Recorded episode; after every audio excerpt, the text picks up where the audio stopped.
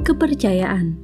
Kepercayaan itu diberikan, dianugerahkan, bukan asal-asalan. Saat seseorang akan memberikan kepercayaan, sebelumnya ia sudah memperhitungkan.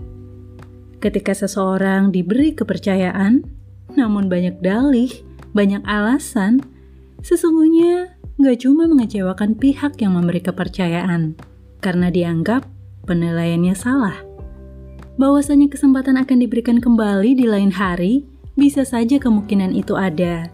Tapi entah kapan, dan belum tentu ada lagi. Kepercayaan harus direspon dengan percaya pula. Jika orang lain saja percaya pada kita, kenapa kita tidak?